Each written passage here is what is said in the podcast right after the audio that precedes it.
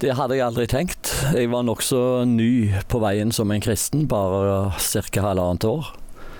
Men så var det en som heter Arne Åno, sangevangelist fra Sauda i Rogaland, som stadig hadde ungdommer med seg. Så han bare gikk rett på sak i et møte jeg var og hørte på han, at du skal være med meg og reise du nå fra høsten av. Og for å si det veldig kort, sånn ble det. Og det ble en start som har slutta bare for noen måneder siden. Altså, siden 1969 så har du jobba i NLM, og NLM har vært eneste arbeidsgiver du har hatt. Hvilke oppgaver har du hatt i NLM? Jeg har jo absolutt mesteparten av den tida vært forkynner, skråstrek evangelist. Jeg begynte jo som det i 69. Så har jeg vært til sammen fem-seks år som det vi før i tida kalte ungdomssekretær. I dag heter det vel leder i NLM Ung i en region. Eh, så tok jeg lærerskolen, og ikke så veldig lang tid etterpå det så ble det til at eh, jeg fortsatte å reise fra 1980 av. Og fra 1980 så har det bare vært forkynnende reisevirksomhet i Norge. Så det har vært av og på noen år. Blant annet så hadde du en, en liten pause i ansattforholdet ditt der du var i militæret. Ja, det stemmer det. Eh, hvis jeg skal ta det ganske kort, da. Jeg var den høsten med han Arne Åno i 69. Så var det tre måneder på Fjellhaug bibelskole i Oslo. Så var det reising tre hvert år i året 1970. Og så var det ett år militær i 71. Og litt reising i halve året i 72, før jeg tok tre år på lærerskolen i Kristiansand fra 72 til 75. Og fra 75 til 8 til 79-80 så var jeg leder i NLM Ung i, i, på Sørlandet og bort til Rogaland. Før jeg da har reist som evangelist fra 1980 og framover til jeg ble pensjonist nå. Så den lønna jeg har fått, ja, det er helt riktig. Den må jeg jo være takknemlig for at Misjonssambandet virkelig har gitt meg alle disse her åra. Når du jobber i misjon, så er det aldri topplønn, men du får fast inn på kontoen hver eneste måned uten at du trenger gjøre noe mer for det enn det du vet du skal gjøre. Du er ute i forkynnervirksomhet og går med det budskapet du har fått. Og så eh, er det noen gode dager og noen tyngre dager, men alt i alt så har det vært ei stor glede å være med i akkurat det arbeidet, og veldig, veldig viktig, sånn som jeg ser det. Men disse pauseårene som du hadde fra reisevirksomhet og forkynnervirksomhet, tenker du først og fremst på, på året i Forsvaret og, og lærerutdannelsen. Hva har de årene fått bety for, for forkynnervirksomheten din? Eh, på, den, på de åra så kom du enda mer i nærkontakt med folk som ikke du til vanlig treffer på møter. Den vanlige mann og kvinne i Norge, eh, og yngre menn og kvinner. Så en uh, lærte gjerne enda mer hvordan de tenker, og hvordan de ser på ting og tang. Uh, nå har jo ikke jeg alltid vært en kristen sjøl, så jeg visste jo en del om det før. Jeg ble en kristen da jeg var 18 år. Men jeg tror jeg hadde godt av det, og samtidig så fikk jeg være med å vitne mer på tomannshånd. Både når jeg gikk på lærerskolen og når jeg var i militæret. Så hadde jeg jo en del møter, både veker og helger og enkeltmøter når jeg gikk på lærerskolen i Kristiansand for Misjonssambandet. Så jeg liksom holdt det ved like. Og jeg husker at eh, f.eks. når jeg var i militæret når jeg var på lærerskolen, så gikk jeg egentlig og lengta etter å komme tilbake til det forkynnerlivet jeg hadde, for jeg så at uh, det hadde virkelig en virkning, og det trengtes. Og mer og mer fikk jeg en roen for at det var egentlig det som var min plass. Du sier at du, du ikke har alltid vært en, en kristen sjøl det var som 18-åring at du, du, ble en kristen. Mm. Hva var det da som, som gjorde at du, du, tok imot Jesus? Det var at eh, konkret så var det mine foreldre som ble kristne ett til ett og et halvt år før meg. Og mine to søstre òg ble da. Så de vitna, og jeg så at det hadde skjedd noe nytt i deres liv. Og tilbake videre så var både mor og far vokste opp i kristne heimer som hadde kristne besteforeldre på begge sider. Og jeg hadde sjøl vært til stede når de hadde bønnestunder og hadde andagsstunder, og jeg visste hva nød de hadde for sin familie, at de måtte bli frelst, blant annet min familie. Så helt konkret, når jeg først ble en kristen, så ble jeg invitert til å være med på teltmøte på Bryne. Vi bodde på Jæren da. Av to kristne ungdommer, og jeg svarte ja. Jeg hadde aldri forventa å få det spørsmålet, så jeg visste ikke hvilken unnskyldning jeg skulle ha for å slippe unna, så jeg ble med dem. Eh, men jeg kom greit ut igjen. Jeg husker ingenting fra det møtet. Men de spurte en kveld til, og jeg sa ja. Og den kvelden der så var det faktisk min tur, tror jeg jeg kan si. Da var det gjort, og jeg måtte bare bøye meg for denne mannen Jesus Kristus som kan tilgi all synd og, og gjøre noe helt nytt. Og da var jeg 18 år. Nils Kårstrøm, du har eh, ønska en sang som vi skal ta med nå. 'Kom som du er' til Jesus. Hva er grunnen for at det, er en av, av, dine sanger? For det ene så var det på den måten jeg fikk komme til Jesus Kristus sjøl. Jeg slapp å pynte meg opp, jeg slapp å ta meg sammen. Han tok virkelig imot akkurat sånn som jeg var.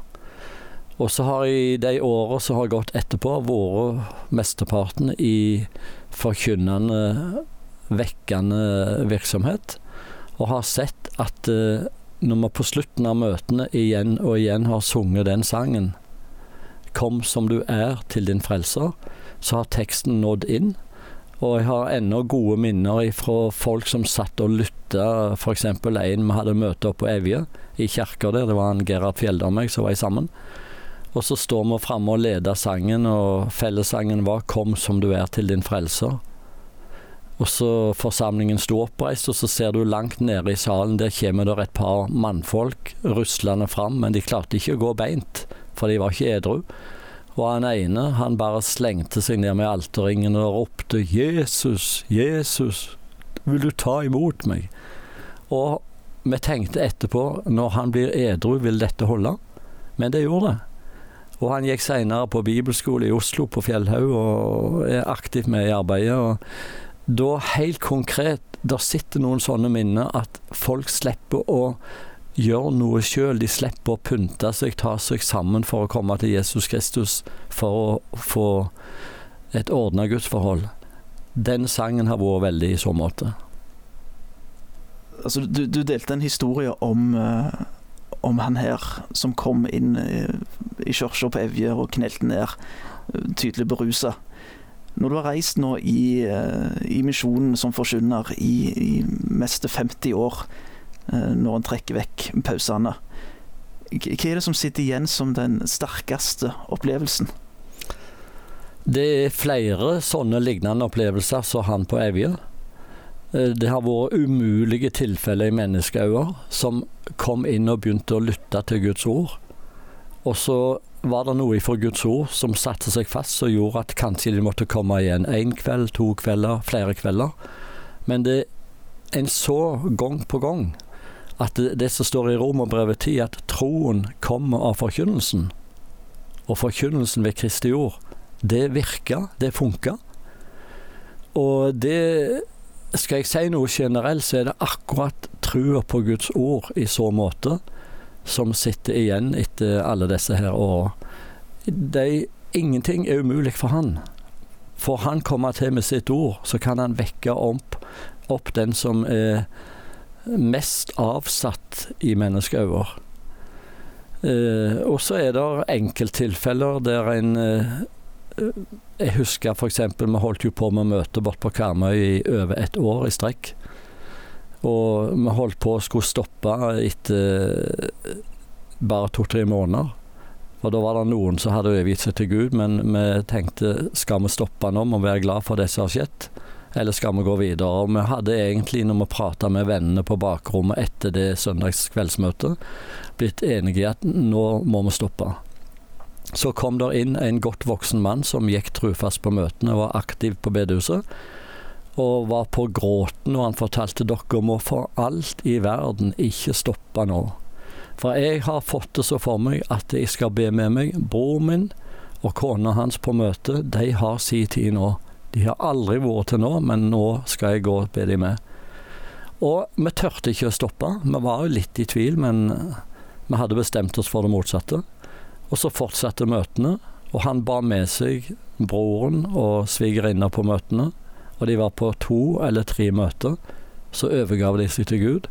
Og så kjente de noen igjen, og så kjente de noen igjen. Så var det som ringer i vannet som begynte å bre seg. Så på det litt over ene året vi holdt på, så tror jeg vi hadde 160 nyfrelste navn. Og eh, det fikk en et veldig kraftig inntrykk av hvordan enkeltmennesker som lever godt med Jesus i lønnkammeret, kan ha stor betydning. Og eh, at det nytter å stå på med Guds ord, for Guds ord det er i seg sjøl levende og kraftig, og det kan virkelig ennå trenge igjennom. En av de måtene som du har eh, virka på når du har reist for, uh, for Norsk Luthersk Misjonssamband som forkynner, det har vært de mer tradisjonelle møtevegene, mm. som gjerne varer fra tirsdag, onsdag og fram til søndag. Og så har du jo, som du fortalte nå nettopp, gjerne opplevd at det har blitt forlenga med ei uke, så blir det to uker, så blir det fire uker. Oppi alt dette her så har du òg vært familiefar mm. med kone, unger, etter hvert òg barnebarn.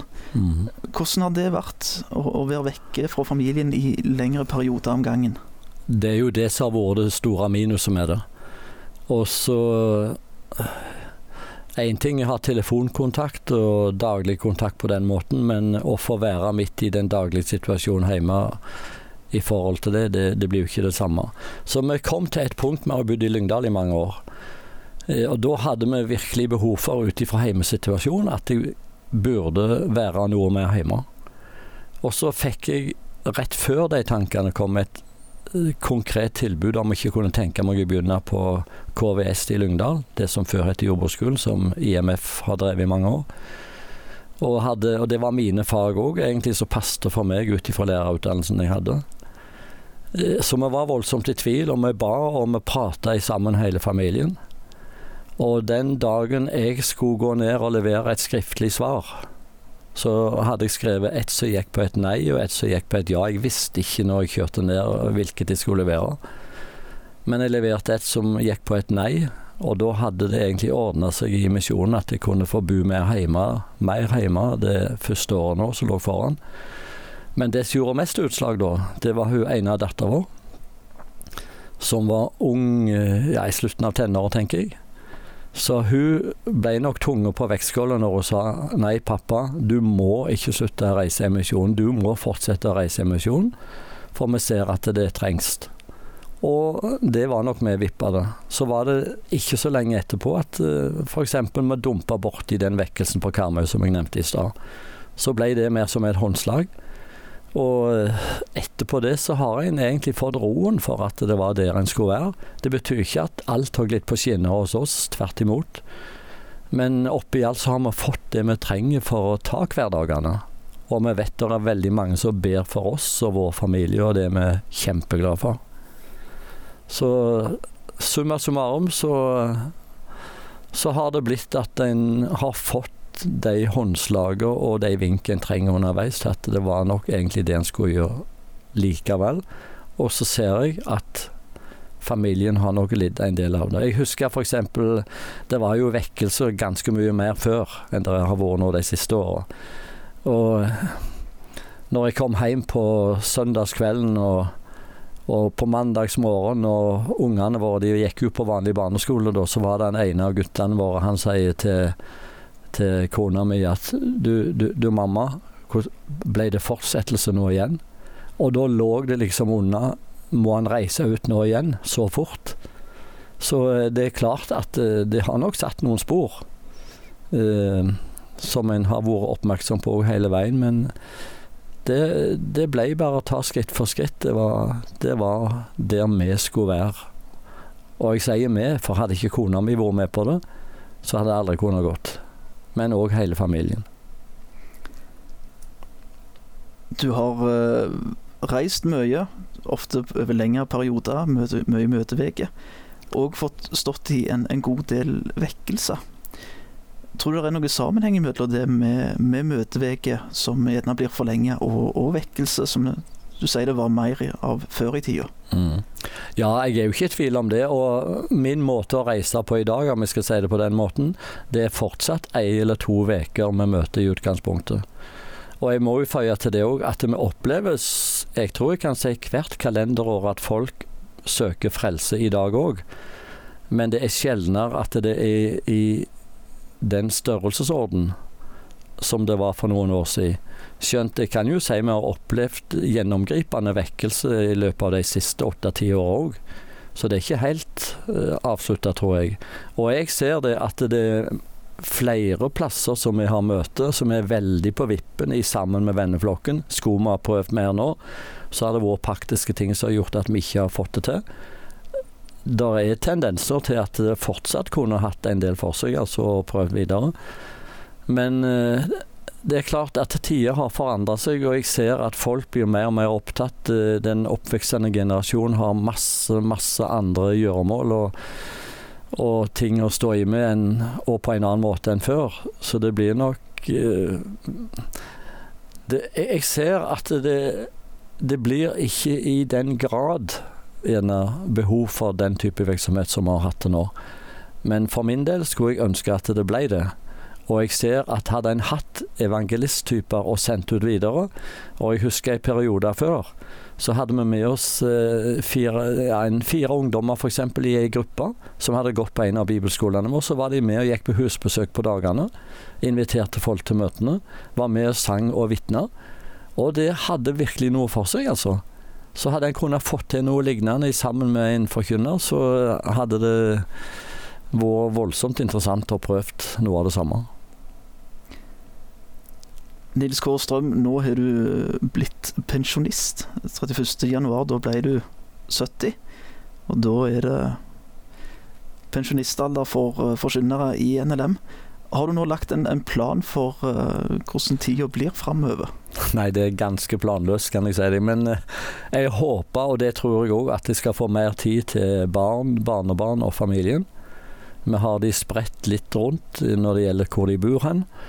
Så har jeg jo lovt en del møter og møteveker da. Og jeg håper det videre òg kan bli noe av det.